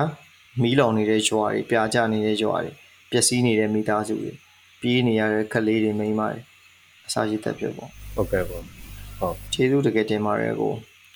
ကိုသက်အနေနဲ့အခုကိုယ့်ရဲ့တငယ်ချင်းတွေဒါစစ်တပ်ထဲကအပေါင်းအသင်းတွေအဲသူတို့ကိုပြောပြပေးချင်တာမျိုးရှိလားဘာတွေပြောပြပေးချင်လဲကိုပြောပြပေးခြင်းတဲ့အကြောင်းကတော့ဘယ်လိုပဲဖြစ်ဖြစ်မတရားမှုအော်ကြီးမှာနေနေမယ်အစားတရားတဲ့လမ်းကြောင်းကိုပဲလိုက်မှန်ကန်တဲ့လမ်းကြောင်းကိုလိုက်ပြီးတော့ ပြည်သူလူထုနဲ့ပါဝင်ပြီးတော့မတရားတဲ့ဟာကိုတိုက်ထုတ်ပြီးတော့တရားတော်နည်းနဲ့နေကြရအောင်လို့ဖိတ်ခေါ်ခြင်းပါတယ်ပေါ့ကျွန်တော်ဖိတ်ခေါ်ဖို့လည်းကြိုးစားနေတယ်ပြီးရင်ကျွန်တော်တို့အခုဆိုဆွမ်းနာအကိုပြောတဲ့ဟို page တွေဖြစ်ဖြစ်အဲ့လိုမျိုးကျွန်တော်တို့တကယ်လုပ်ပေးတဲ့ကဏ္ဍတွေလည်းအများကြီးရှိတဲ့အတွက်ဝမ်းလဲဝမ်းသာတယ်တငယ်ချင်းတွေကိုလည်းဖိတ်ခေါ်တယ်ဒီလိုနေရမယ်ဒီလိုစားမယ်မင်းတို့ဘဝကောင်းစားမယ်ဆိုပြီးတော့ ဖျားယောင်းသွေးဆောင်ပြီးခေါ်တာမဟုတ်ဘူးမတရားသောနီးလန်းအောက်မှာနေမယ်စားတရားသောစစ်ကိုပဲတိုက်မယ်ဆိုတဲ့သဘောမျိုးနဲ့တော့ဖိတ်ခေါ်ချင်တယ်များအကုန်လုံးကျွန်တော်အခုလည်းစူးစမ်းနေပါတယ်ပေါ့ဟုတ်ကဲ့ခင်ဗျာကိုတကယ်ကျေးဇူးတင်ပါတယ်ကိုဟုတ်ကဲ့ဟုတ်ကဲ့ခင်ဗျာအခုလိုမျိုးဒီနေ့ကျွန်တော်တို့ရဲ့ဒီတော်လန်ချင်းများနဲ့ခက်တဲ့မြန်မာပြည်ပေါ့ကတ်မှာအခုလိုမျိုးအကိုရဲ့ဘဝတွေအကိုရဲ့အခွင့်အရေးတွေအကုန်လုံးဒါရင်းပြီးတော့ပြည်သူနဲ့မမမမရက်တီခဲ့တဲ့ဘဝအခြေအနေကိုဒါကျွန်တော်တို့ ပို့လာရောက်ပြောပြသွားပြီးရဲ့အတွက်အထူးပဲကျေးဇူးတင်ရှိပါတယ်ခင်ဗျာဟုတ်ကဲ့ပါကိုကျွန်တော်လည်းအခုလိုအချိန်ပေးမင်းမြတ်တဲ့အတွက်လည်းကျွန်တော်လည်းကျေးဇူးတင်ပါတယ်ကျွန်တော်အနေနဲ့အရိုးရှင်းဆုံးဝန်ခံစရာတစ်ခုရှိပါတယ်ဒါကတော့ကျွန်တော်တို့မလုတ်ချင်ဆုံးနဲ့တက်တောင့်တက်တာမရှိဆုံးအလုတ်ကိုပြပါဆိုလို့ရှရင်ဒါဟာလှူခံတာပါပဲဒါပေမဲ့ကျွန်တော်တို့ဒီဥစ္စာကလည်းတစ်ဖက်မှာတကယ်လိုအပ်တဲ့လိုအပ်ချက်လုံးသင်းလုံးထိုက်တဲ့အလုပ်ဖြစ်နေပြန်ပါတယ် ဒါဟာတော်လန်ချင်းများနဲ့ခေတ်သစ်မြန်မာပြည်ပေါ့ကတ်ကိုစတင်တော့ဆိုရင်ဒါအတက်နိုင်ဆုံးအကုန်လုံးအိတ်ဆိုင်ပဲလုပ်ခဲ့ကြရတာပါကျွန်တော်တို့ကိုယ်ပိုင် laptop တွေကိုယ်ပိုင် earphone တွေကိုယ်ပိုင် headphone တွေအစရှိသဖြင့်ဒါအဆင်ပြေတဲ့နေရာကနေအကောင်းဆုံးဒါထုတ်လွှင့်မှုပဲစူးစမ်းခဲ့တာပါ။ဘာကြောင့်လဲဆိုတော့ကျွန်တော်တို့ကိုယ်တိုင်ຫນွေဦးဒေါ်လာကိုအချိန်တိုင်းတာတစ်ခုတွေစိတ်ရောကိုယ်ပါနှစ်ပြီးတော့လှုပ်ခဲ့ကြတဲ့အတွက်အားလုံးခက်ခဲကြက်တဲတယ်ဆိုတော့ကျွန်တော်နားလဲပါတယ်။ဒါပေမဲ့ဘလို့ပဲဖြစ်ဖြစ်ပေါ့ဗျာ။ နိုင်ရတောင်းကိုထမ်းနေကြတဲ့သူတွေကိုလေးစားတယ်ပြီးတော့လည်းအားကိုးတယ်။ဒါကြောင့်ကျွန်တော်တို့ရဲ့ pocket ကိုရှေ့ဆက်ဖို့လိုအပ်တဲ့အရာတွေအတွက်ကျွန်တော်တို့ဝိုင်းဝန်းလှူဒန်းကူညီပေးကြဖို့ကျွန်တော်တိုက်တွန်းရခြင်းပဲဖြစ်ပါတယ်ခင်ဗျာ။ကျွန်တော်တို့ကိုအကယ်၍ပေးဖို့လှူဒန်းခြင်းနဲ့ဆိုရင်တော့တော်လန်ချင်းများနဲ့ခေတ်သစ်မြန်မာပြည် Facebook page မှာဆက်သွယ်လှူဒန်းနိုင်ပါတယ်ခင်ဗျာနိုင်ငံခြားလှူငွေတွေအတွက်ကျွန်တော်တို့ Better Burma page ပေါ့နော် B E T T E R B U R M A ဒီ Better Burma page နဲ့ကျွန်တော်တို့ Inside မြန်မာ Pocket I N S I G H T M Y A N M A R P O D C A S T ဒီ Inside မြန်မာ Pocket page တွေမှာကျွန်တော်တို့ဆက်သွယ်လှူဒန်းနိုင်ပါတယ်ခင်ဗျာကျွန်တော်တို့အကောင်းဆုံးစ조사သွားမှာပါမြေပြင်မှာရှိတဲ့သတင်းတွေကိုလည်းပြည်သူတွေအတွက်အကောင်းဆုံးနားထောင်လို့ရအောင်တောက်လျှောက်ကြိုးပမ်းသွားမှာဖြစ်ပါတယ်ခင်ဗျာမြမပြည်အမြန်ဆုံးလွတ်လပ်ပါစေပြည်သူများအမှန်မြင်၍အမြင်မှန်နိုင်ကြပါစေခင်ဗျာ